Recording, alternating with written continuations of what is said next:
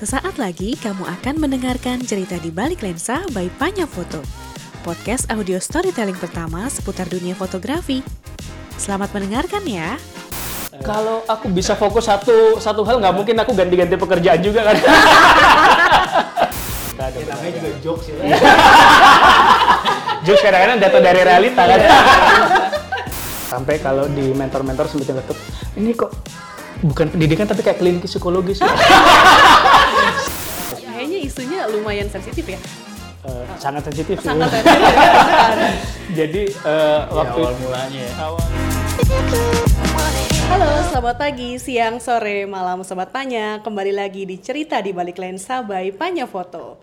Suarakan visualmu. Yo eh, uhui. Spontan kali ya. Spontan kali. Nando, kita bakal ngobrolin apa nih? Sama siapa? Wah, kita nih kedatangan tamu yang eh, apa? eh, lumayan kalau gue lumayan kenal, ya lumayan kenal. Tapi sebenarnya banyak cerita menarik dia gitu, yang kayaknya eh, kayaknya orang belum tahu. Karena tadi tuh ternyata pas kita ngobrol di bawah, dia bilang baru pertama kali. Gitu Wah, ini dia. Bang Ale ngapain? Sasaran empuk ya. Dia adalah seorang penulis dan fotografer. Kalau di websitenya sih gitu. Penulis fotografer tapi background pendidikannya linear banget di arsitektur. Arsitek ya. Kepo banget kita berarti ya. Langsung aja kita sapa ya. Aja. Kita sambut Yusni Aziz. Apa kabar nih Mas Yusni? baik, baik. Apa kabar? Mantap, baik. Sehat ya Yus ya? Sehat. ya. Lama banget ya kita nggak ketemu ya. Hmm. Soalnya waktu itu eh, pandemi sih ya Yus ya. Jadi kita ketemu cuma via via Online. online bener. Ja- jadi ada jarak yang memisahkan. Asik. memisahkan. Sebelum ngomongin, kita mau ngomongin sebenarnya eh, arsitektur, eh, kemudian juga eh, fotografi sampai bisnis kos kaki. Wah itu menarik tuh. Menarik, random, banget. Tapi kita sebelumnya kita mau ngomong ke flashback ke masa lalunya Mas Yusni dulu nih. Dulu di Surabaya ngambil arsitektur ya Mas ya? Iya. Apa apa hubungannya sama fotografi dan apa ya kita bisa ngomongin uh, keterkaitannya ya, lintas disiplinnya. ya? Boleh boleh diceritain. Oke, kalau arsitektur sama fotografi ya pertama keterkaitannya sama-sama visual ya, Eh, sama-sama ngobrolin masalah estetika, ngobrolin komposisi, berbicara tentang ruang dan waktu juga, meskipun kalau di arsitektur lebih ke arah menciptakan, kalau di fotografi lebih ke arah merekam gitu ya. Em, dan ketika aku belajar arsitektur, transisi ke fotografi jadi lebih ada latar belakang ilmu mungkin ya. Jadi mempelajari fotografi, kalau mungkin dari segi komposisi ya, itu cukup membantu banget. Jadi eh, seperti ilmu gestalt atau ilmu komposisi warna segala macam itu sangat kepake banget sih buat di fotografi gitu. Jadi berarti emang eh, secara mata kuliah juga ada ya Yus? Maksudnya Kalau mata untuk, kuliah di eh, kampusku foto? dulu nggak ada ya, Oh, kebetulan. ada ya? Nah, Karena mungkin bahkan sampai sekarang sih, kayaknya aku di beberapa kampus nggak ada mata kuliah fotografi di jurusan arsitektur. Setauku ya, aku sempat ngajar di UPH eh, dan di ITS juga di kampusku nggak ada kita ngajar yang mengajar fotografi gitu. Iya, padahal eh, sangat Berhubungan ya berhubungan kayaknya. sangat erat Iya benar sih. dan kebetulan sih weekend ini eh, diundang buat sama kajurnya UPH buat ngisi workshop foto buat mahasiswa arsitektur jadi kayaknya kesadarannya udah mulai Udah mulai tumbuh nih. ya? iya ada koneksinya nih ternyata nih kepake nih Oke, berarti kenalnya dari mana tuh? Apakah Kak Yusni ikut UKM, fotografi, komunitas atau dari mana? untuk fotografinya ya? Iya. waktu saya kuliah di luar waktu itu temen dari Cina itu ngajarin street photo. Jadi kita kan ngobrolin kuliahnya masalah arsitektur dan kota ya. Jadi ngobrolin kota segala macem. Jadi dia ngajarin oh kamu itu bisa loh ngerekam kehidupan di kota juga tapi dengan cara yang lebih menyenangkan gitulah dari situ mulai pelan-pelan kemudian balik ke Indo ketemu sama Yopi sih sebetulnya sih ketemu sama Yopi dari Yopi kenal sama Mbak Swanti Mas Edi Nando sekarang Dian juga ya dari situ. Oh, awalnya berarti masuknya dari situ ya. Dari, fotografi. Tapi misalnya secara apa? Secara lu ngerasa kayaknya wah gue suka foto nih gitu kali ya dia. Maksudnya Hmm. kapan sih itu? Yes, maksudnya mulai wah gue suka foto nih kayaknya nih gitu. Em, mungkin era Instagram ya. Kayaknya waktu aku di luar itu Instagram mulai naik ya akhir 2010 kan Instagram kan. 10 ya. Iya, jadi kayak seperti ada dan mulai ada smartphone Hmm. segala macam. Eh, jadi ada apa ya? Ada urgensi untuk mengekspresikan diri waktu itu. Kan eh, iya kan kayak merekam eh, kehidupan di sana, Iya. eh, room dan mulai bermain sama komposisi segala macam gitu. Em, tapi kalau sebelum Instagram ya bisa dibilang ya belum terlalu mengenal sih. Jadi kayak memang ya karena juga belum ketemu teman yang kenalin Iya, itu benar, juga. Jadi momennya memang kayak pas aja semuanya gitu waktu itu. Berarti masuknya pertama tuh sebenarnya for fun buat Instagram gitu ya. Iya. sih. Akhirnya jadi ini. Cuman kalau emang tadi kayak materi-materi kayak gestalt gitu-gitu tuh Hmm. itu sebenarnya materi foto tapi juga berfungsi di arsitektur atau gimana sih awalnya? Jadi kalau gestalt itu sebetulnya itu kan ilmu yang di dari ini ya psikolog Jerman kalau nggak salah. Jadi bagaimana manusia itu bisa melihat sebuah komposisi, bagaimana kita otak itu memetakan eh, misalnya dari sebuah kekacauan nih, kok bisa sih kita ngeliat komposisi karena ada pattern-pattern tertentu yang kita kenalin. Dan itu tuh ngefek banget ke ya kalau kamu mau mengkomposisikan arsitektur, misalnya kita berbicara masalah repetisi gitu ya, bicara masalah continuity dan warna juga kali ya. warna dan eh, kita bisa dari gestal bisa ngomong ke lukisan, foto, itu luas sih menurutku. Karena itu terkait sama psikologi bagaimana kita melihat. Wah serius banget ya. Keren ya maksudnya nama nama gestal tuh nyantol gitu loh Yus. Iya nggak sih maksudnya kayak Iya. lu eh, misalnya foto lu teori apa sih gestal. Wih kayak keren gitu. Maksudnya nyantol. Boleh diintip lah nanti. Iya. teman-teman. Tapi yang fun-funnya dong ini eh, Kak Yus nih di. Surabaya ini memang asli Surabaya, kemudian hijrah ke Jakarta atau gimana? Asli Surabaya. Oh asli Surabaya. Keluarga masih di Surabaya, tapi beberapa keluarga di Jakarta, tapi asli bes- lahir besar Surabaya. Oke. Tapi nggak kelihatan. Kelihatan nggak sih? Udah lama. Kayak Surabayanya? Nggak kelihatan sih. Gimana emang orang Surabaya? Iya maksudnya kayak nggak kelihatan sih. Mungkin kalau sebelah nama Mbak Swanti kali logatnya keluar Iya. gitu, Jawa Timur. Iya, Mas Wanti Malang ya? Malang, ya? Malang. Mas Ed Jember. Jember. Ya, Lu mana nih? Gue mana ya Jakarta aja. Sama kali. Oke. Berarti di kampus tuh eh, ngapain aja nih? Maksudnya sebagai mahasiswa fotografi, eh sorry, mahasiswa arsitektur yang belum mengenal fotografi, eh, apa Eh, sehari-harinya selain kuliah su- suka ngapain sih? Dulu sih aktif, termasuk orang yang aktif organisasi juga. Apa tuh? Ikut apa? Baik, ya jadi ketua departemen ruang luar gitu kalau dulu nah, di himpunan uh, mahasiswa ya di hima terus eh, bisa dibilang waktu mahasiswa cukup ambis ya.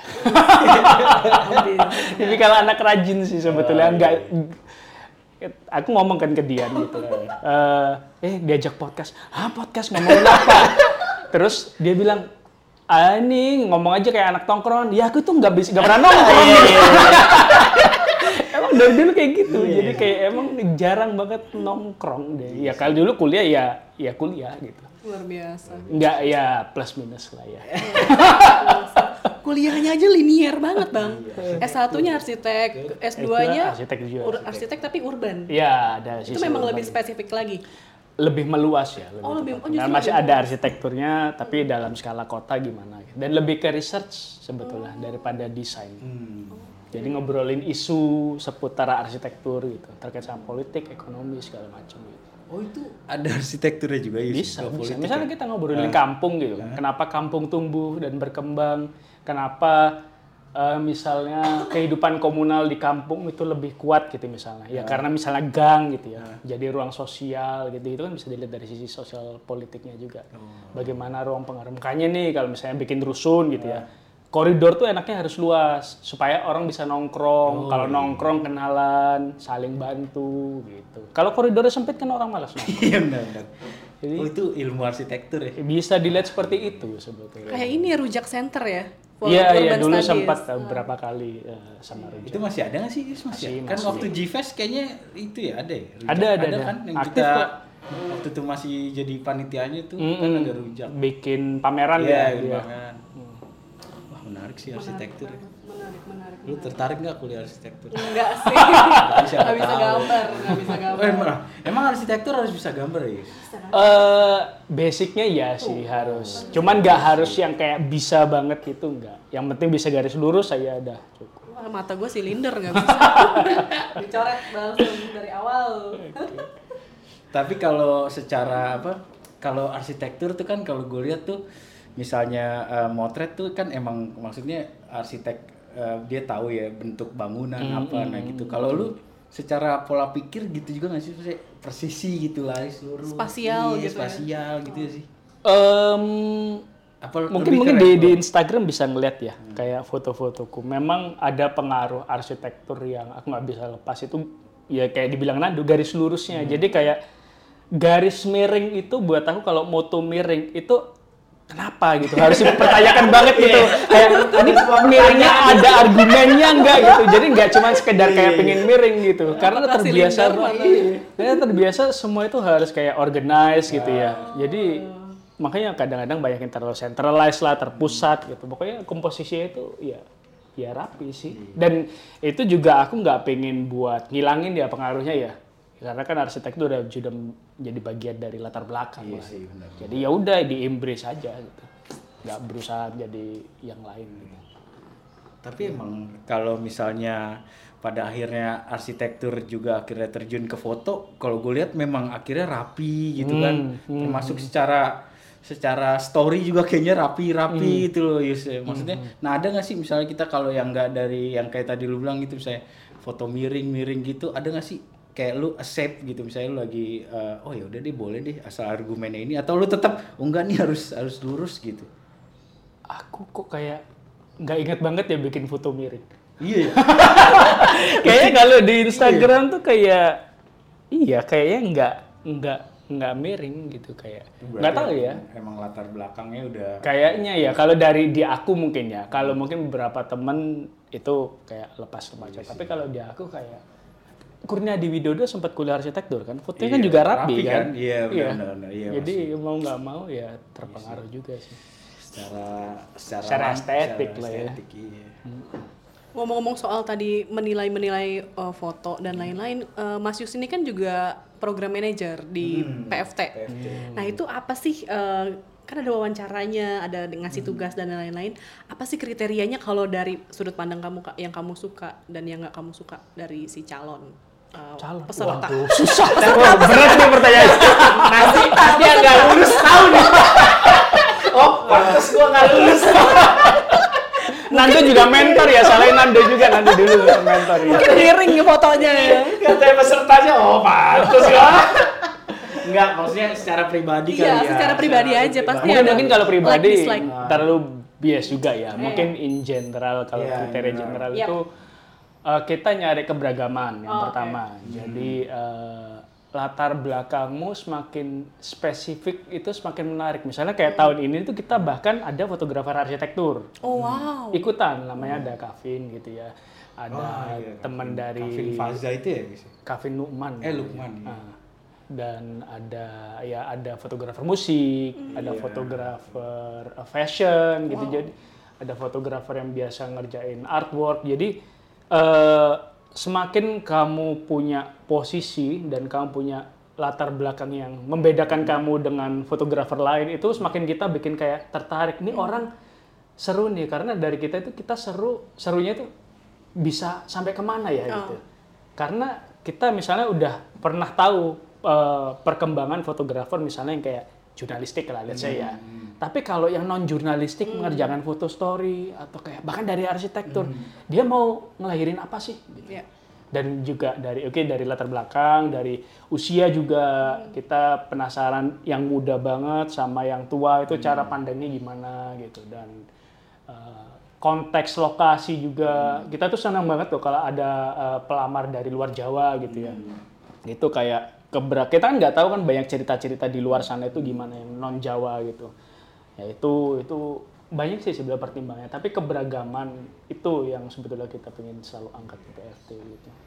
Oke, fotografi yang lintas disiplin ya. Jadi banyak iya, banyak mata, banyak lensa yang bisa ditatap ya. Oke oke oke. Karena sebenarnya sih kayaknya eh, mungkin ini nggak sih? Kayak misalnya PFT itu akhirnya jadi bakal jadi satu muara eksplorasi baru nggak sih? Maksudnya macem-macem. Atau lu melihatnya gimana sih keti- di PFT itu memang ya akhirnya tumbuh ke keberagaman ke lainnya gitu? Eh, lihat gimana ini maksudnya? maksudnya secara eksplorasi tempat dan lain-lainnya gitu. Maksudnya memang ingin mencari bakat-bakat baru atau cerita-cerita baru gitu? Sebetulnya kalau mencari kita mungkin lebih tepat lebih kayak menciptakan wadah ya. Kalau mencari kan kesannya kita yang aktif ya. Tapi di PFT itu kayak kita ini punya wadah yang aman nih. Kamu mau belajar, kamu mau eksplor dirimu sejauh apa, kita menciptakan ruang aman. Isunya seperti apa gitu ya. Eh, status kamu seperti apa misalnya kayak orientasi gender, latar belakang gitu ya. Dan eh, ya dari situ sih akhirnya yang masuk ya itu jadi sangat diverse banget gitu. banget Eh, eh, ya mencarinya mungkin dari itu ya keberagaman ya. Jadi di ruang yang aman itu gimana nih kalau fotografer arsitektur ngobrol sama wedding gitu. Gimana nih fashion kalau ngobrol sama jurnalis gitu. Kan seru kan kayak ketemu cara pandang baru, bahkan pendekatan yang baru gitu. Itu sih yang kayak sebenarnya sesuatu yang organik ya daripada direncanakan sih sebetulnya sih. Jadi kayak kalau nyampurin cabe sama gula sama jahe sama kunir tuh gimana tuh jadinya gitu.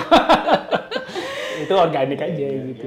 Ruang aman itu kata kuncinya ya. Hmm. Maksudnya apa pun latar belakangnya, kalau nggak disediakan ruang aman, mereka nggak mungkin lepas bercerita. Benar, latar benar, belakang mereka, perbedaan dan lain-lain. Sampai kalau di mentor-mentor sempat letuk, ini kok bukan pendidikan tapi kayak klinik psikologis ya. Saking amannya itu curhatnya sampai sedalam itu gitu. lumayan lumayan Lumayan kan? Banget. Psikolog mahal kan. Iya psikolog mah ya ini juga bayar sih tapi nggak semua psikolog. Tapi akhirnya kalau kita ngomong PFT ya dia maju kan setelah ya apa setelah lu dari era kuliah gitu terus akhirnya megang PFT gitu sebuah program yang kalau menurut gua adalah program yang fresh banget yang gua eh, waktu ikut mentornya juga pas ngelihat lulusannya juga kita semua eh, pasti takjub gitu kan hasilnya. Wah gila bisa masih bisa varian. Nah, kalau ngatur itunya eh, apa eh, kurikulumnya nih ya kan? Karena kan beneran gua aja yang ngalamin tuh beneran beda-beda ya. Saya maksudnya ada fotografer ya fotografer pasti lah. Maksudnya ada penyair ya kan? Ada itu. Nah proses kurikulumnya kali ya kayaknya gimana Yap. sih Kalau ya oke, kalau PFT mungkin nggak bisa ya kredit di aku doang ya, karena kita punya tim mentor yang luar biasa. Ada Mas Edi, ada Joya sebelah, ada Nando juga, ada Awit, sekarang ada Berto, ada Ocha, ada Yopi. Mereka semua kan punya punya pengalaman ya. Kalau dulu mereka berproses sebagai fotografer tuh yang dibutuhkan ilmu apa aja sih gitu. Buat kayak establish itu. Nah mereka ngasih input tuh, oke kita mulai dari yang basic dulu lah, standar ya. Kita ngobrolin komposisi, pelan-pelan dari komposisi kita ngobrolin apa sih uh, foto cerita itu, visual storytelling. Dari situ semester 2 ada pendalaman tuh, oke gimana nih kalau visual storytelling dikasih isu gender, dikasih isu uh, lingkungan gitu yang lebih kritis, sosial politik gitu ya. Jadi semuanya itu ya ya berkembang juga. Tapi yang penting juga di PFT itu kita tuh pengen uh, alumni itu juga menjadi proses regenerasi ya. Jadi misalnya kayak oke tahun 2021 tuh ada alumni yang punya ilmu spesifik nggak ya? Bisa nggak masuk kurikulum gitu, ngajar gitu. Tahun ini kira-kira ada yang potensial nggak ya buat masukin kurikulum tahun depan gitu. Jadi ya jadi give back juga gitu. Jadi full circle lah pengennya. Visi, salah satu visinya seperti itu. Wow. Berarti ini elaboratif termasuk juga cara pengajarannya tuh egaliter sebenarnya ya. Nggak ada yang merasa lebih Oh iya iya kita, super power kita pokoknya ya. equal lah. Kita di situ perannya sebagai sahabat ya, mungkin ya. lebih teman belajar, teman ngobrol gitu. Makan Nando kalau dulu ngajar ngobrol nongkrong dia nggak ngobrol ngobrol ngobrol aja. berjam-jam kan. menarik juga sih cuman eh, kemarin pas di PFT tuh gue juga mau nanya sama Yusni pas eh, apa ngasih materi teori warna di nah itu kan maksudnya ketika di foto aja gue kayaknya nggak belajar deh teori warna. Makanya pas gue jadi mentor PFT terus Yusni ngasih kelas kan wah lumayan nih. Nah gimana sih Yus? maksudnya jelasin nggak sih teori warna tuh Yus tuh? Maksudnya- Eh, Teori warna waktu itu aku bukunya dari Johannes Itten ya waktu itu. Dia ngajar sempat ngajar di Bauhaus, eh, bikin buku The Art of Colors apa apa gitu ya. Dan itu emang dulu aku belajar teori warna buat mahasiswa arsitektur. Aku kan sempat ngajar di arsitektur UPH kan. Iya. Jadi ada banyak beberapa materi itu yang oh kayaknya kepake nih di foto gitu. Jadi risetnya sebetulnya udah lama dan dipakai di komposisi desain dulu tuh. Makanya kalau teman-teman yang mungkin ya kalau misalnya setahun ini ada yang backgroundnya desainer grafis, Yes. uh, stylist itu mereka udah paham tuh biasanya itu. Oh iya, masuk ya karena emang basicnya kalau kita belajar desain atau apa Hmm. itu biasanya dari kasih teori warnanya gitu. Oh. Tapi kalau overall sih kalau foto sih ya mungkin yang sering make ya Hmm. itu fashion gitu ya. Karena lebih terkontrol mungkin ya. Bajumu merah nih, backgroundnya apa biar pop up hijau atau apa ya kan. Kalau misalnya dokumenter gitu kan agak susah gitu ya. Karena kan yang warna kan something given kan gitu di lokasi gitu. Tapi ya ngebantu sih nyari spot-spot. Oh ini subjekku misalnya Nando lagi motret subjek di kampung. Oh wah, bajunya ungu. Oke, backgroundnya apa ya biar bajunya tuh lebih pop up gitu mungkin. Tapi harus fast thinking mungkin tantangannya gitu. Iya, iya. Makanya pas kemarin gua apa eh, dapat teori warna tuh gua langsung wah gila sih ini. Ternyata ada gitu ya di PFT ya. Makanya itulah. Jadi kalian semua daftar eh udah tutup ya? Udah tutup. 2024 ya. 2024 ya. Pokoknya di tahun depan lah dia. Tahun depan, Iya, iya. Keren ya, gue masuk ya ke PFT. Ya deh. Siap. Emang suka muji diri sendiri nih. Tapi eh, Kak Yusni itu kan kalau di fotografi itu kalau aku lihat di website-nya tuh ada beberapa topik gitu yang sepertinya Kak Yusni fokusin. Seperti urban, portrait, travel. Itu memang memang fotografinya eh, senang di bidang-bidang tersebut atau memang ini aja eh, senang mengeksplor aja gitu. Tapi yang lainnya eh, juga senang gitu di topik-topik lainnya. Hmm. Di website sudah udah lama nggak update sih. Nggak sih risetnya. Oh, Nggak, tapi tapi overall kalau ya isu-isu yang kamu eh, barusan mention kan isu-isu ruang ya, isu-isu kota kan. kita ngomong travel, kita kita aku sempat jadi kontributornya destination, eh, ngobrolin dampak turisme ke kota, ada waktu itu ke Langkawi, eh, Pineng, Kyoto juga. gitu. Itu tetap masih ada background ilmuku kepake. Kita ngomong urban ngomongin kampung ya again itu masalah perkotaan. Jadi masih masih inline lah sama backgroundku. Mungkin yang agak mulai eh, menggok sedikit tuh project tentang Banu sahabatku itu ya karena Nah, itu, uh, boleh tuh sekalian diceritain tuh kak. Kayaknya isunya lumayan sensitif ya. eh, sangat sensitif sih Sangat sensitif. jadi eh, Ya, waktu awal mulanya ya. awal mu- aku kenal Banu itu tahun 2014 atau 2015 dari workshop workshop jurnalisme sastrawinya Andreas Harsono. Oh, Oke. Dia penulis juga. Aku mau belajar nulis. Aku yang baru lulus arsitektur tuh apa yang belajar nulis lah. Yayasan Pantau bukan sih? Pantau, Oh, pantau. Terus eh, setelah itu ada kejadian lah. Akhirnya aku menjadi eh, waktu itu eh, ya kekerasan seksual ya. Dan si aku jadi sempat bukan sempat memang menjadi eh, apa sih namanya caregiver ya. Pendamping. Pendamping ya, pendampingnya Banu selama beberapa tahun sampai akhirnya waktu itu tahun 2017 sampai 2018 gitu salah satu temen eh, eh kita mau bikin pameran tentang perempuan gitu. Terus aku oke aku udah lama memang mau nge-share story-nya Banu gitu. Karena selama ini aku tahu lah struggle-nya dia seperti apa gitu. Udah mulai dari situ motret Banu berjalan selama dua tahun. Tapi benefitnya ya kalau dari sisi aku ya aku kan juga dibesarkan di keluarga yang patriarkis ya Yep.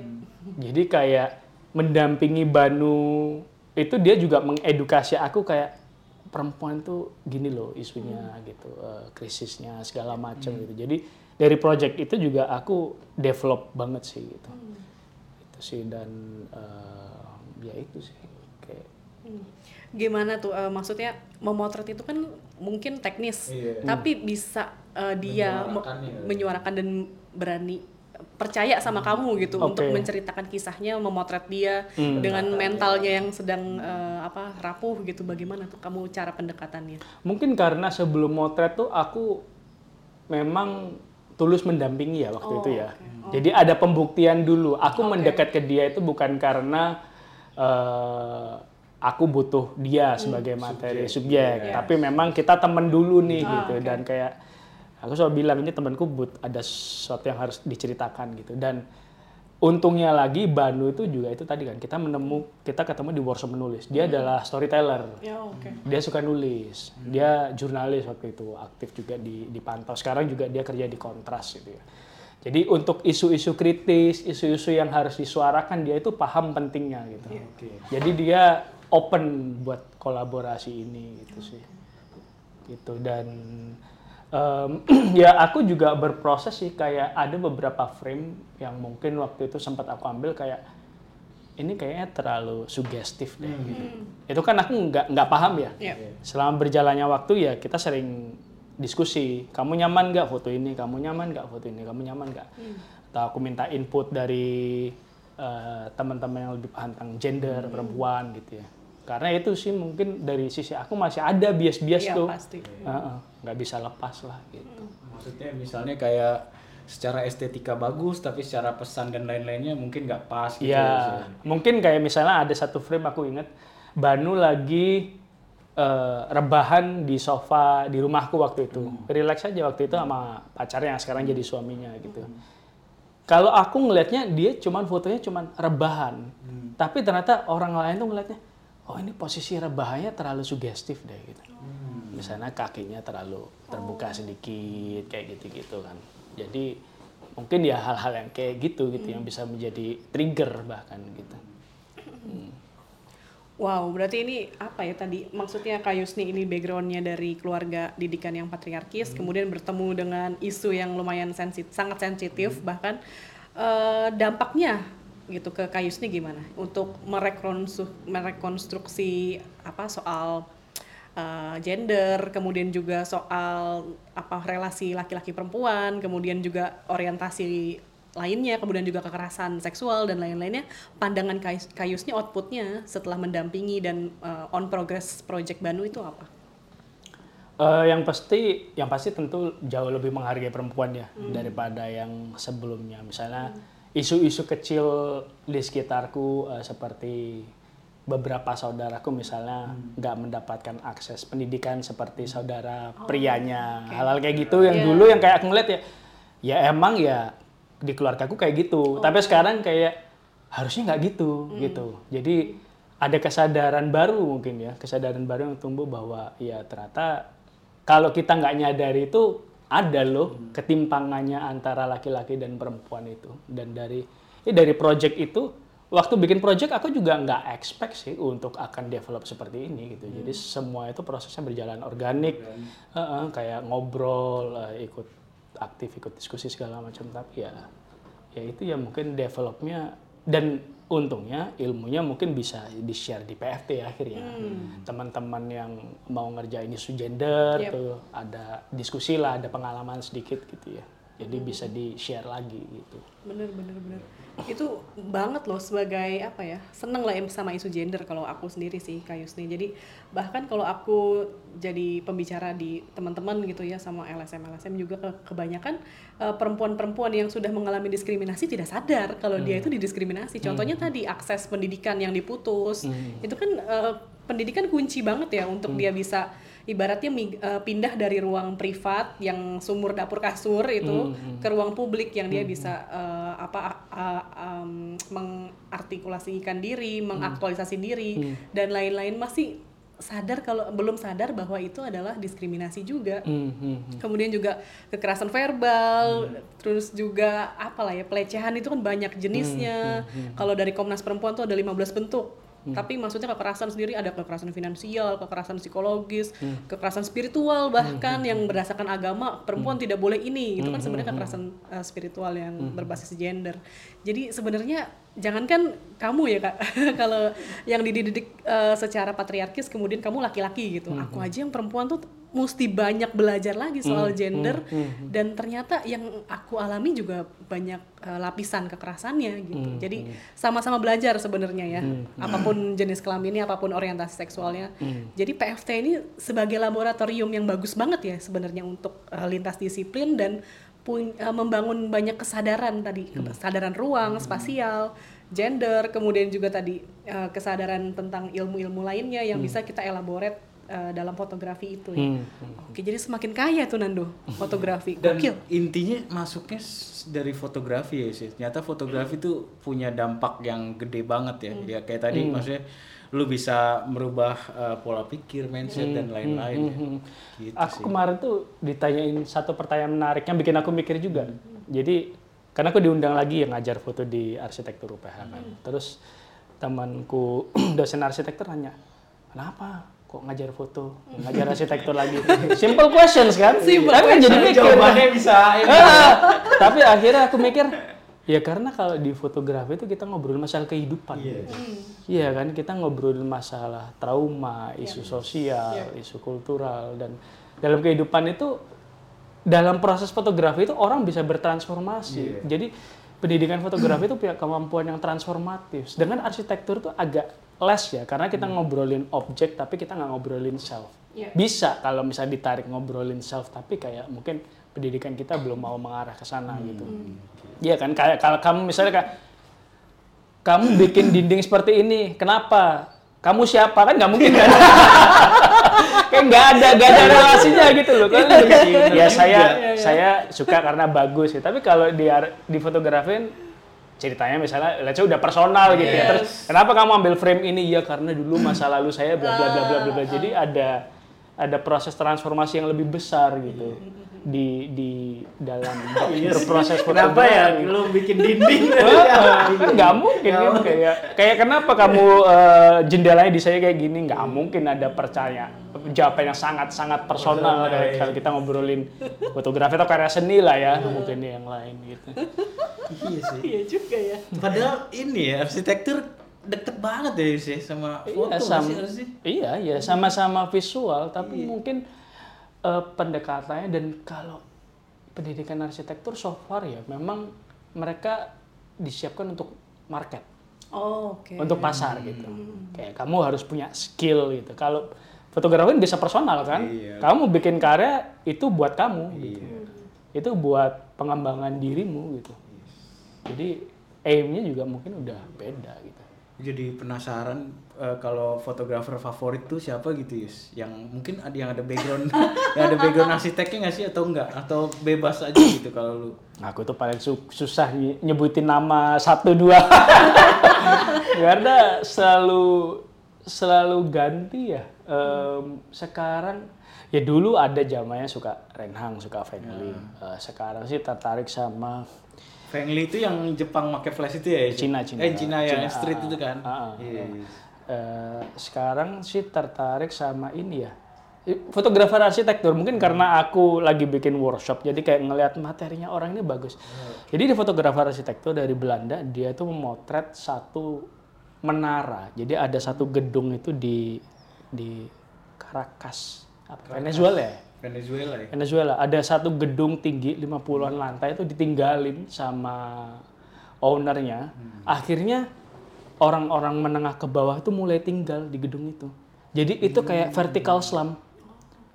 Dan itu bertahan selama bertahun dan dia mendokumentasikan itu gitu. Maksudnya di sisi lain dia mendokumentasikan arsitek-arsitek skala dunia yang bekerja buat pemerintah Cina atau apa yang pro kapitalis lah kita bisa bilang ya. Dan tapi di sisi lain dia juga punya personal project. Ini personal project, dia nggak desain apa mendokumentasikan kehidupan di vertical slum itu seperti apa. Dan kayaknya fotografer yang paling pas ya dia sih Sofan karena itu juga ngobrolin masalah isu ruang, isu kota gitu ya. Itu menarik banget Torre David. Tapi sekarang udah dihancurin gedungnya karena sempat gempa di Venezuela tahun 2018 dan penduduknya di situ juga udah dipindahin ke eh, pinggir kota gitu. Tapi sebagai fenomena menarik sih. Cuman itu bukan masalah pendekatan ya, lebih ke arah isunya yang menurutku menarik. Aku emang susah kalau bikin kayak kalau aku bisa fokus satu satu hal nggak mungkin aku ganti-ganti pekerjaan juga kan. Nulis arsitek ya, ya karena emang kayak gitu. Nah, ngomong-ngomongin pekerjaan, berarti kan kamu juga pernah jadi jurnalis kan, Kak? Yang destination itu nulis Destination juga kan? ya, travel. Heeh. Nah, itu gimana tuh, Kak? Kamu eh, apa namanya ya? Loncat-loncatnya itu. Loncat Jumping-jumpingnya jumping-jumping gitu, profesi Oke, itu gimana jumping tuh? pertama itu lulus arsitektur. Nah, waktu kuliah di arsitektur aku diajak senior, eh kita bikin zin yuk arsitektur. Oke. Zin, mulai belajar nulis lah dari situ. Zina arsitektur dan itu kan ini ya teman ada yang kenalin street fotografi yang Cina tadi ya. Jadi bareng tuh interest ke nulis dan writing mulai keluar. Pulang eh, ikut Andreas Harsono, mulai nulisnya mulai makin naras naratif ya buat Zina arsitektur di situ dan pelan-pelan ya ini sih banyak nulis buat Destin. Waktu itu sih kenapa? Karena kepake tiga ilmu. Yang pertama ruang, ya kan arsitektur kepake, nulisnya kepake, motret juga kepake. Iya. Eh, jadi kayak tiga-tiganya itu jalan tuh dan jalan-jalan lah ya. Siapa yang nggak mau? Gratis kan? Eh, terus eh, waktu itu barengan sama arsitektur, terus nah kenapa tiba-tiba kaos kaki? belum ditanya belum ditanya. Iya jadi kayak nulis nulis motret ya terus ngajar arsitektur terus sekarang ngajar fotografi. Kenapa kaos kaki? Karena nah waktu jalan-jalan tuh setiap ke Jepang tuh suka hunting kaos kaki sebetulnya. Kenapa? Kenapa? Kenapa dulu ada concern dengan kaki itu kenapa? Nggak ada intuitif karena lucu-lucu aja kayak ini nggak ada nih di Indo. Waktu itu mindset sederhana dan lo sempat nyeletuk aja kak. Kok nggak ada ya orang Indo bikin kayak kaos kaki lucu-lucu unik gitu ya. Dan em, dan kalau dari sisi finansial sih sebetulnya aku melihat ini adalah sesuatu yang lebih jangka panjang ya. Mungkin aku ngajar, mungkin aku motret juga, tapi buat eh, apa pondasi finansial kayaknya harus punya usaha yang lebih settled nih gitu. Jadi memang harus bercabang gitu. sih. Dan akhirnya di kaos kaki semua kepake juga. Yang bikin caption, bikin konsep, yang motret, yang desain, aku semua. Warna, ya. warna, komposisi warna kepake gitu. Semua kepake. Jangan ngejahit sendiri juga. Eh, belum. Enggak. Tapi menuju enggak? Bener, ya? menuju enggak. Nggak dijahit masalah pakai mesin gede Oh iya. gitu. pakai mesin. Oh, pakai mesin. Pakai mesin. Jadi kepake, jadi kayak mengerucut tapi semua skillnya bermanfaat lah. Itu buah dari lintas disiplin kaos kaki. Berarti dari jumping-jumping itu kos kaki Kaos mungkin kaki. concern Kaos apa, kaki. pondasinya. Iya. Kenapa kaos kaki juga? Karena mungkin pasarnya belum sekeruh outer, kita ngobrolin celana, atasan gitu dan masih besar lah potensinya buat dia papain gitu. Tapi kaos kaki itu benda tersier nggak sih? Kita nggak kepikiran gitu harus pakai kaos kaki yang matching, yang bagus, bermerek, nggak nggak terlalu terlihat juga gitu. Hmm, hmm. Gimana tuh? Tergantung ya. Kembali lagi kayak pasarnya selalu ada. Kalau kita ngobrolin orang yang suka nongkrong mungkin lebih suka yang casual, yang sandalan doang lah, nggak usah kaos kakian. Tapi kalau orang yang rutin olahraga, running, pasti pakai kaos kaki. Iya kan, basket, eh, itu terus eh, ya ke mall gitu. Mungkin orang pakai sepatu, pakai kaos kaki. Jadi ada pasarnya gitu. Soalnya aku belum pernah denger, eh kaos kaki lo apa? Belum pernah. Kalau sepatu Habis ini apa? ya semoga walk guys namanya walk. Iya boleh boleh apa ya salah? Walk W A L C Oh ganti ya dulu kan apa? Nah ini Iya. Iya kan? Eh, perlu diceritain kan? Nah, soalnya gue pernah beli kan. ganti Iya, kan? iya, iya, Nah iya. ini iya. perlu perlu nih Oh, perlu. Ini perlu. Penting nih pesannya. Iya, iya, iya. Gimana tuh? Eh, dulu namanya kata kaki. Iya kata kaki. Eh, beli. kesalahanku adalah waktu itu ngelihat bisnis teman-teman 4 tahun jalan itu nggak ada masalah ya dengan namanya mereka.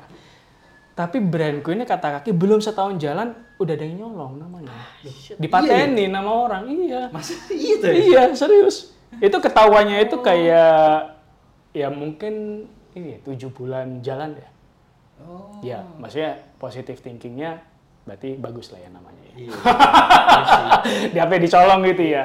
Tapi akhirnya ya harus rebranding mau nggak mau dan sekarang udah udah proses paten itu mungkin lesson learned-nya. Karena temanku 4 tahun jalan dengan nama brandnya itu nggak ada situasi kayak brandnya diambil orang dan dia juga jual kaos kaki. Gue baru tahu nih sih. yang kata kaki itu loh, Is. Maksudnya beli. Dan itu akhirnya jadi brand kaos kaki juga ya? nggak? Iya, dia juga jual dia jual, jual kaos kaki plus plus ya, ada tasnya, ada apa. Tapi startingnya dia kaos kaki juga. Tapi kaos kaki yang lebih basic lah, yang polos. Gitu. Tapi ya udah ikhlas sih ya sekarang ya. Kayak aku juga suka nama walk juga lebih enak di kuping. Lebih edgy ya. lebih edgy, lebih global mungkin dia. Kayak gestalt tadi kan keci ya. iya. lagi lagi lagi belajar apa? Gestalt. Gestalt. Yes. lagi belajar apa? Gestalt. Guys. Oke, berarti itu ya pelajarannya tapi se kalau di maten mematenkan itu berarti se, urgent itu ya. Iya. Sekarang kayaknya. Iya ya karena orang mulai banyak mulai bisnis sendiri kayaknya sekarang ya. Bahkan kalau mau bikin kafe itu sebisa mungkin cek dulu tuh namanya udah ada yang punya gitu misalnya. Kemarin aja ngebantuin Mbak Swanti buat nyari ini kalau misalnya bikin bisnis ini namanya udah ada nggak? Ternyata udah ada yang pakai nama Panya gitu misalnya. Di brand uh, fashion sport gitu misalnya. Jadi kayak perlu sih menurutku. Buat menghindari konflik ke depannya ya. Sama yang tadi ya, udah jalan nggak taunya udah di Iya, udah jalan terus diambil itu kan juga ada kejadian juga. Jadi either riset kemudian dipatenin langsung gitu. Yes, penting tuh di Penting ya. oh, buka usaha ya. Bener-bener. Tapi sulit nggak sih prosesnya ke sampai mematen gini tuh? Daftarnya cukup sederhana sih. Mbak Swanti juga sering da- yang daftarin Jipfest tuh Mbak Swanti. Itu haki ya Yus ya. Haki haki ke Kemenkumham. Tapi yang ini udah kan udah daftarin kan. Udah, tapi prosesnya itu di ACC itu lama bisa setahun lebih. Ya deg-degan tuh satu tahun tuh. Akhirnya tahu gimana? Karena juga banyak yang di reject Iya, iya, gitu. iya. Soalnya kan di kayak apa eh, di apa di kementerian-kementerian kita kan eh, ini kan udah tiga hal kan nggak bisa lepas ya. Hmm. Yang pertama kan kerja keras, yang kedua berusaha, yang ketiga orang dalam. ya kan Yes? Jadi selama itu lu emang kayaknya perlu emang deg-degan. Iya, iya kayaknya. Orang dalam parah. Bener sih. Apa is work ya? ini? Walk, walk, BALC tulisannya. Seperti walk tapi bukan K belakangnya tapi C. Oke, walk. Ada filosofinya nggak tuh? Kenapa? W- eh, singkatannya dari walking canvas. Karena C canvas itu aku ngeliat kaos kaki basic. Kamu mau masukin apa tuh di situ? Kayak desain seperti apa? Karena aku selalu pengen ini ya, ada elemen storytelling juga. Oke. Jadi tetap kepake tuh. Gokil. Keren, keren. Gokil. Jadi eh, ya mungkin nggak misalnya kalau kalau kasih basic mungkin storytellingnya lewat ini ya eh, konsep fotonya. Tapi ka- kadang-kadang juga dari dari kaos kaki sendiri bisa cerita apa sih gitu misalnya itu juga masuk sih sebetulnya. Nah kalau ngelihat di Instagramnya apa wall wall see Walk walk. walk, walk. itu eh, ada desain yang baru warna yang baru tapi pas di slide gesernya tuh ada kaos kaki sebenarnya terinspirasi dari kaos kaki tahun sekian gitu kan Oh ya oke. ha, nah ya, itu ya. aman nggak sih kalau dari segi copyright nggak apa-apa ya mempa- Aku cari yang foto yang Wikimedia Commons. oh enggak maksudnya Apa? kan Oh, eh, terinspirasi. iya terinspirasi dulu garis-garis terus kamu bikin garis-garis Oh, oh. lagi yang mirip-mirip Kalau kaos kaki itu kaos kaki old school kan waktu itu kan. Itu mungkin lebih ke arah fenomena ya Oh, dia. fenomena. ya. Oh, oke. Karena itu waktu itu memang rame di tahun 70 80-an itu waktu orang-orang pakai roller skate itu kaos kakinya yang tinggi bergaris-garis gitu. Jadi itu bukan misalnya kalau lubutin gitu ya yang kayak sepatunya merah semua yang di trademark gitu itu nggak ada trademark. oh oke Jadi emang kayak iya fenomena yang ini gimana nih cara ngebaruinya gitu di konteks sekarang gitu. Berarti tet- ini ya skema amati tiru modifikasi gitu nggak Yus? Atau memang Beber kalau itu kebetulan temanya old school sih. Tapi emang beberapa desain ya original kayak aku mau bikin yang kayak gini gitu. Misalnya kemarin terakhir tuh collab sama tiga seniman gitu kan. Tentunya namanya seniman kan mereka punya lukisannya punya arti, punya meaning, punya intensi gitu. Ya itu original pure desainnya dari mereka. siapa aja tuh? Boleh Yus? Ada Adriel Ari, ada Yen Melia, ada Karin Josephine. Mereka sekarang lagi pameran di Jogja juga eh, karya-karya seninya. Jadi emang barengan eh, bikin kaos kakinya, kemudian mereka keluarin karyanya itu bareng gitu. Oke, berarti konsep kolab- kolaborasi ya. Iya, ada kolaborasi juga gitu. Nanti juga rencana akan ada kolaborasi di sama Paya. Nah, Semoga itu. kejadian nih. Nggak boleh di-spill. Tunggu saja ya. Tunggu saja. Pokoknya yang ini terinspirasi dari karya foto lah. Tahun mantap depan ya berarti ya. Tahun depan, tahun depan. Tungguin ya Siap. para pendengar. Nah tapi tadi ngomongin kos kaki udah, ngomongin arsitektur udah, ngomongin PFT udah. Yusni ini eh, punya apa ya? Punya makhluk kesayangan. Iya. Namanya Mizu. Oh, diajak, enggak ada tiga. Oh ada tiga, tapi yang sering Iya, digendong-gendong iya. itu kayaknya Mizu tuh. yang sering diajak gimit juga sama kita itu. Iya, iya, iya, iya, iya. Bener. Emang sejak kapan tuh Mas Yusni suka miara kucing? aku waktu kecil tuh pengen jadi dokter hewan tuh random lagi kan Random lagi, ya ampun. Udah kelas kaki. ini loh rasanya hidup pada kecil ya. tak ada tujuan Mundur lagi. Gimana gimana Riz? jadi waktu kecil tuh mainanku itu binatang plastik Ya, teman-teman main mobil-mobilan Oh, atau apa yang dinosaurus- iya dinosaurus bikin itu kebun ya. binatang iya, gitu iya, gitu iya. jadi emang udah tertarik sama fauna lah gitu dan sekarang punya apartemen sendiri Hmm. eh, sepi ya udah waktu itu kucing pertamaku mana empat tahun yang lalu Mana namanya? Mana namanya Mana. Terus yang kedua ada Raja itu anaknya si Mana. Mana Raja. Kemudian yang paling muda itu si Mizu. Dia baru setahun bulan ini dia setahun. Itu. Nah dia sering muncul karena kalau Mana sama Raja itu karakternya eh, nggak terlalu attach ya. Kayak I need my personal space kind of attitude gitu loh kayak kalau dielus tuh nggak boleh nempel atau gimana gitu. Sedangkan Mizunya itu clingy banget, kayak nempel di atasku, suka rebahan kalau aku rebahan juga gitu. Jadi lebih gampang dikontenin lah sebetulnya. Makanya sering muncul. itu sering diajak gimmick kan? Iya. Gini, oh iya iya. Karena dia gampang banget digendong tuh mau. Kalau mana mau aja digendong udah berontak. Ya emang masalah karakter sih sebetulnya. Berarti love language-nya physical touch. Physical attack. aku mikir physical attack. ya physical touch kalau bisa. Ada tiga ya guys ya? Ada tiga, ada tiga. Iya. Dari kucing kita tahu kalau dulunya ternyata mau jadi dokter hewan. Semua bisa ditarik kok sudah. Sama tanaman kali ya? Lu oh juga iya suka tanaman kan? Iya iya di apartemen tuh udah kayak kebun binatang lah tanaman banyak hewannya ada tiga. Eh, kalau dari apartemen tanaman udah agak besar juga aku tanam ke tanah di rumah saudara gitu. Nggak tahu ya, em, balancer kali ya. Kayak hidup bukan kayak cuman kerja doang gitu atau apa. Jadi kayak hobi ya hobi kayak. Tapi kalau apa kalau tanaman dari kecilnya nggak jadi petani. Nggak pengen jadi pohon. Kalau mau jadi pohon itu kayaknya Nando. Anak, anak teater jadi Oh, pohon, iya. jadi batu. Eh, teater pertama gua tuh. Jadi Jadi pohon. Pas nyokap gua nonton, namanya mana? Jadi pohon. Lumayan sih, Lumayan. banyak scene-nya sih, Lumayan, cuman nggak kelihatan. Jadi- gua rada ada begini aja. oh itu anak gue. Iya. Aduh, nyolong fokus terus ya. Nyolong fokus terus. Anak teater tuh. Anak teater itu. Ini juga berarti Nando kan lintas disiplin banget kan dia? iya banget. Sarjana seni jurusan teater, jadi fotografer yang fokus sama banyak hal ya. Eh, itu udah jadi sumber podcast nggak dia? Oh, pasti, Udah tenang. ya. Nanti, nanti. Nanti sun sun sun. Malu, malu.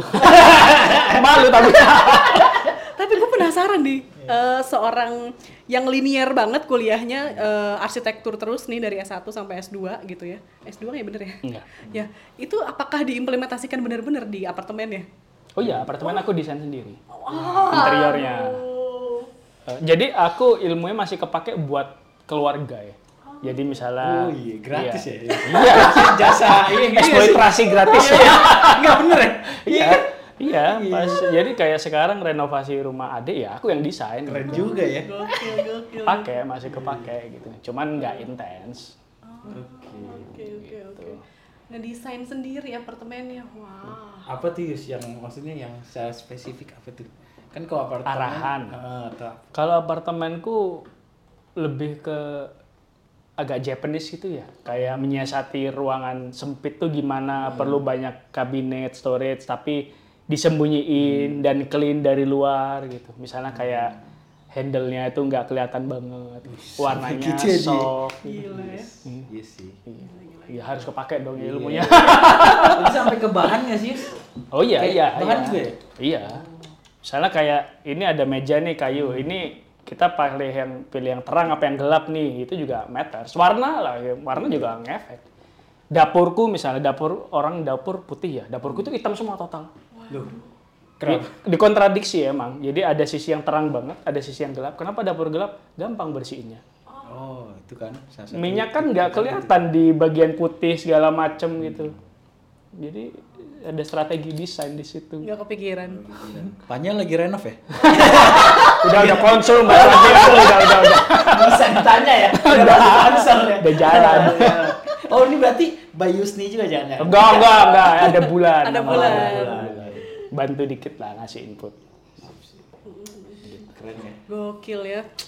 sangat random tapi sebenarnya ini ya lintas disiplin itu perlu jadinya ya. Oh iya, perlu banget sih. Karena eh, balik lagi kalau misalnya di karya fotonya Yusni gitu ya, yang yang Banu itu gue suka banget maksudnya secara personal sa- karena ketika kita eh, ke anak sekarang ternyata banyak kan yang nanya gimana sih pendekatannya gimana sih pendekatannya gitu terus tadi terus juga yang apa yang pameran 20 tahun pan eh 20 tahun Wisdom ya? wisdom ya. itu itu gue juga maksudnya ngelihat sebuah proyek personal yang intens banget gitu itu bisa jelasin dikit sih karena gue su maksudnya secara visual dan lain-lain gue ngerasa wah ini kuat banget nih maksudnya secara, secara personal gitu. Hmm. Untuk proyek wisdom maksudnya. Nah, wisdom itu Kalau wisdom tuh lebih ke arah ini ya, perjalanan untuk mendobrak cangkang dari masa lalu gitu ya.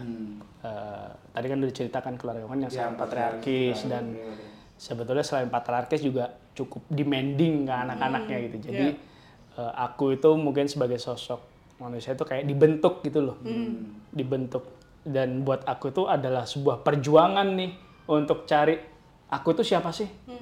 itu jadi untuk kayak aku tuh siapa kalau nggak ada ekspektasi orang lain? Kalau benar-benar jujur ke diriku sendiri benar-benar tahu apa yang aku mau itu aku tuh siapa? Dan itu akhirnya aku keluarin lewat karya foto wisdom itu sih. Dan kebetulan waktu itu baca bukunya apa ya uh, Tuspuk Zarathustra sempat Nietzsche itu kan masalah. Breaking breaking your own mold kan bagasi Yes. segala macem. Ada ini juga Eka Kurniawan main Tiger.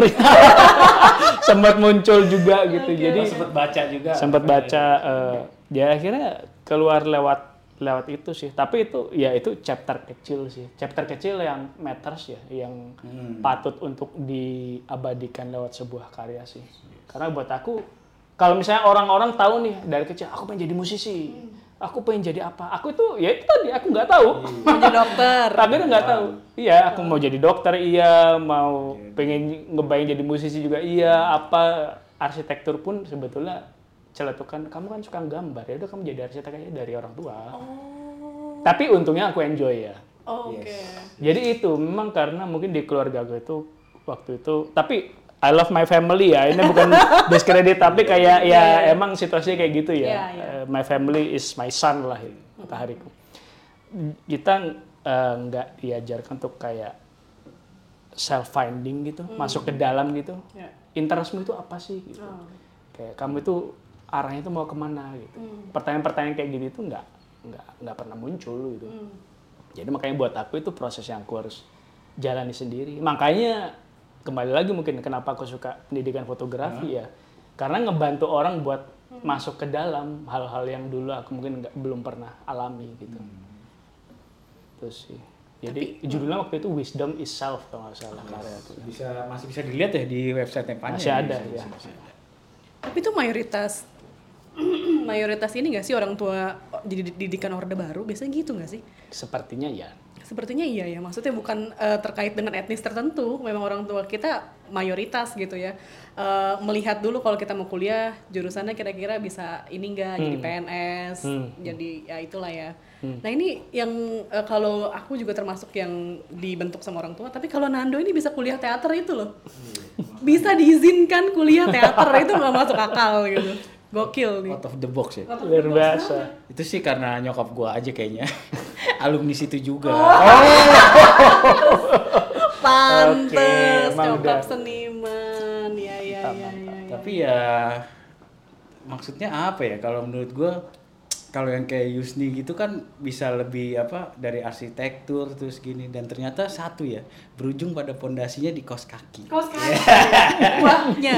masih plus plus masih ada plus plusnya Oh, loh ada. kan ngajar masih ngajar Oh, iya, masih kaos kaki dan apa gitu Nah itu ngajar belum kita kulik banyak tadi. Iya. oh Nah, udah PFT belum UPH. Oh, oke. Yang di UPH itu Iya. eh, empat tahunan ya, iya sekarang udah nggak ngajar S2 lagi itu di S- UPH, ya? oh enggak S2 di Belanda Di Belanda. S satunya di Di ITS. di ITS oh kok bisa ke UPH ya random. Nggak waktu itu ya waktu balik ke Jakarta nyari kampus sih buat bisa ngajar di mana nih. Dan waktu itu menurutku UPH cukup progresif buat kampus arsitek. Dosennya banyak yang muda dan sistem pendidikannya juga open mind gitu ya. Eh, dan cocok sih di sana memang itu apply waktu itu Oke, berarti bisa memengaruhi silabusnya nggak tuh? Jadi lebih Oh lintas enggak, disiplin. belum belum nggak sampai masuk dosen tetap. Oh, oke, oke. Dosen masih freelance. Karena waktu itu sama motret juga kan, Hmm. sekali buat Destin gitu. Masih tapi ya Yus ya? Enggak ya sekarang. Kalau UP enggak sekarang. Karena kalau gua ngelihat UPH tuh ya kan di anak-anak satria muda ya di basket ya maksudnya UPH tuh kan salah satu kampus yang penghasil apa eh, atlet basket nasional terbaik nih sekarang nih yang oke. Eagles kan namanya kan. Nah, Maksudnya gimana sih murid-murid di sana apa ada yang tertarik di foto juga akhirnya berkecimpung di fotografi atau gimana tuh Yus? Kalau eh, ya karena kultur Instagram ya, jadi memang mereka ya motret juga motret. Jadi kan misalnya kita kalau studi tour ke mana gitu, pasti banyak yang bawa kamera segala macem. Tapi motretnya juga arsitektur. Kadang-kadang sih beberapa mau explore street fotografi gitu. Jadi kalau untuk ketertarikan visual, ya karena masih sama satu ranah ya, kita ngobrolin estetika visual tuh banyak sih sebetulnya. Tapi yang jumping langsung ke jadi foto itu dia belum ya mereka ya masih. Ada ada satu mahasiswaku sekarang aktif di foto, namanya ex mahasiswa ya, udah lulus. Eh, namanya William Sutanto. Eh, dia sekarang bikin kayak printing printing company buat foto, tapi dia sendiri juga sering motret arsitektur segala macam. Jadi ada ada beberapa kasus sih. Mas arsitektur ya. Arsitektur. Tapi pernah kepikiran juga nggak sih kak, one day gitu bisa eh, arsitektur bisa lebih open dari segi kurikulum tadi bisa seperti PFT yang eh, lintas disiplin dan lain-lain. Apa apa secara keilmuan itu nggak mungkin Iya ya? karena kita kayaknya gue mending cukup kaget nih karena ternyata foto nggak masuk di arsitektur loh Yus. Kan kalau kalau teater kan kalau teater pun ada teater ada fotografi panggung gitu ya. Jurnalistik ada foto jurnalistik. Nah itu juga nggak tahu juga sih kenapa. Maksudnya kayak eh, ya semoga ya eh, karena ini kan besok masih workshop foto kan ke mahasiswa. Kalau misalnya kajurnya merasa itu penting ya mungkin bisa dilanjutkan gitu. Aku juga nggak tahu sih sebenarnya di kampus lain itu ada apa enggak kayak Unpar, ITB mungkin harus di cross check. Tapi so far sih seingatku kayak kayak nggak ada gitu. Em, tapi tadi pertanyaan apa? Kenapa Eh, one day bisa, Bisa. ingin memengaruhi kurikulum jadi, lebih fotografi lintas disiplin. gitu oh, ya. fotografi bisa masuk. Kalau fotografi bisa masuk ya, I, I hope ya karena sangat sangat related gitu ya. Karena di sana juga ada pers kan, pers mahasiswa at least ya Iya. bisa kepake di publicationnya Iya, gitu ya. bikin Kalau kita ngobrolin foto, iya itu kan kayak starting point kan Iya. gitu. Dan sekali itu lagi juga sih kayak arahannya arsitektur dan fotografi mendirikannya beda kan. Kan fotografi lebih ke internal internal banget gitu. Dan itu bisa ngebantu muridnya ngedevelop ke arah yang berbeda gitu. Tapi sangat related sih karena ketika aku mendalami foto itu, aku melihat arsitektur dengan cara yang berbeda gitu. Kayak light and shadow itu sekarang jadi matters banget gitu. Kalau dulu kayak oh bangunannya bagus, tapi kalau sekarang karena tahu foto ya, oh cahayanya kalau jendela kayak gini di foto bagus nih kayak gimana gimana gitu. At least misalnya aku bikin spot buat nongkrong atau apa gitu. Jadi lebih nambah kepekaan sih, sensibilitas ke ruang. Karena emang fotografi arsitektur juga lumayan peminatnya banyak kan Yus. Banyak, kan? banyak, maksudnya. banyak. Tapi aneh juga ya nggak ada mata kuliahnya. Tapi kalau di kalau Kayus ini kan pernah kuliah di Belanda. Kalau di Belanda apakah lebih lintas disiplin atau sebenarnya sama aja kayak di Indonesia? kampusku dulu itu bukan kampus besar masalahnya. Kampusnya kayak research institute, lebih ke arah research institute ya. Oh, oke. Jadi sistemnya juga Montessori gitu. Jadi kayak sangat open, sangat fluid. Tiap tahun tuh kurikulumnya ganti. Jadi kalau ngacu di karikul- ke kampus juga kayaknya agak susah. Tapi kalau kampus lain juga nggak tahu sih sebetulnya sih. Tapi yang di Belandanya itu enggak ya, enggak juga apa enggak juga nggak- Belajar arsit- Ah, fotografi. ah, fotografi gitu. ya? Enggak waktu itu. Oh iya. Karena memang pendidikan arsitektur itu ilmu itu sangat ekstensif kayak luas banget. Makanya kalau nggak tahu punya teman arsitek dulu. Pokoknya Mas mahasiswa namanya arsitektur, Yusni Aziz. The one and only. Iya. mahasiswa arsitektur terkenal nggak jarang tidur. Iya. Oh, kenapa tuh, Yus? Jurnalis kalah ya? Ke- kerjanya itu banyak banget yang direvisi itu banyak banget karena kita ngobrolin kayak gambar tuh garis per garis kan. Itu kayak detailnya banyak kayak jendela aja itu garisnya berapa gitu. Kalau itu kalau di ACC sama dosen. Kalau di suruh ganti, nah itu jadi emang kayak mungkin waktu juga tantangan sih kalau buat pendidikan arsitektur tuh. Kan jadi satu dari sekian banyak eh, jurusan kuliah tersulit arsitektur itu di dunia. Di dunia ya, Di dunia. beneran itu di dunia. Tadi pas Yusni ngomong apa tentang jendela, kita auto ngeliat. Sebagai orang awam sih biasa aja yang ngeliat. Misalnya kayak jendela itu kan ada lekuk-lekuknya tuh yang di dalam itu ya. Itu itu digambar satu-satu. Kalau di ini jadi kayak lekuknya oh itu berapa senti itu lekuk dari sini ke sini itu berapa senti. Ini misalnya kayak kayak ini loh, ini ini kan ada berapa senti itu harus digambar, ini berapa senti itu digambar semua. Termasuk ke bahannya semua. Iya, semua. Sambungannya kamu mau pakai apa itu harus digambar. Jadi emang banyak banget yang dikerjain gitu. Tapi bener nggak sih ada ada jokes-jokes di Instagram nih katanya ah lu mah anak arsitektur enak mau gambar apa pun anak teknik sipilnya yang meninggal mau mewujudkan itu bener nggak sih Ya, ada benernya mungkin ya. jadi bebas gambar anak sipil yang merealisasikan ya yang pusing ya, itu ada Ya namanya juga jokes ya. Jokes kadang-kadang jatuh dari realita kan. Jadi ya ya. ya. Iya. Iya sih. bener berarti valid deh Kayak misalnya sutradara ya. iya Sutradara, gue mau bikin adegan ini ya. Gitu. mampus lah ya. Yang mampu sama lighting gitu-gitu ya, make up gitu. ya. aktornya juga termasuk Iya. mampus Iya, iya. penulis naskah sih gue mau bikin gini-gini pas sutradaranya realisasi ini meninggal Beda, iya makanya banyak film yang nggak sesuai ekspektasi kalau dari buku kan Hmm. Wah banyak banget ya gila. Lintas disiplinnya tuh memang udah diterapkan dari kecil, Secara tidak sadar. oke dari Kayus nih mungkin ada closing statement nggak? Kira-kira eh, hubungannya antara fotografi arsitektur dan bisnis kos kaki ini? Closing statementnya jangan takut untuk menjelajahi arena ilmu yang baru ya. Maksudnya kalau kamu juga sebagai fotografer, ini sebenarnya juga ditekanin selalu sih di PFT, di pendidikan PANYA di mana-mana. Kalau kamu fotografer bukan berarti kamu juga kamu cukup belajar tentang fotografinya aja gitu. Tapi isu-isu seputar fotografi atau bahkan disiplin yang lain itu bakal mempengaruhi kamu sebagai fotografer baik dari cara pandang, estetika, eh, pendekatan dan itu akhirnya membuat kamu juga sebagai fotografer itu punya posisi yang berbeda sih dibanding kayak fotografer yang lain. Apalagi sekarang semua adalah fotografer gitu kan. Apa yang membedakan kamu sama yang lain gitu. Jadi kamu semakin kayak punya ilmu dari bidang yang lain tuh bikin kamu lebih kaya dan stand out mungkin ya gitu. Dan tentu ju- eh, eh, lengkap dan memperdalam juga fotografimu gitu. Jadi jangan berhenti bereksplorasi gitu. Mungkin.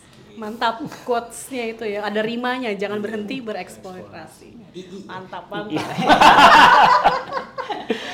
Oke, dari Nando ada lagi nggak? Udah sih itu aja. Thank you ya buat Yusni Aziz. Buat banget, waktunya. Nando, Dian.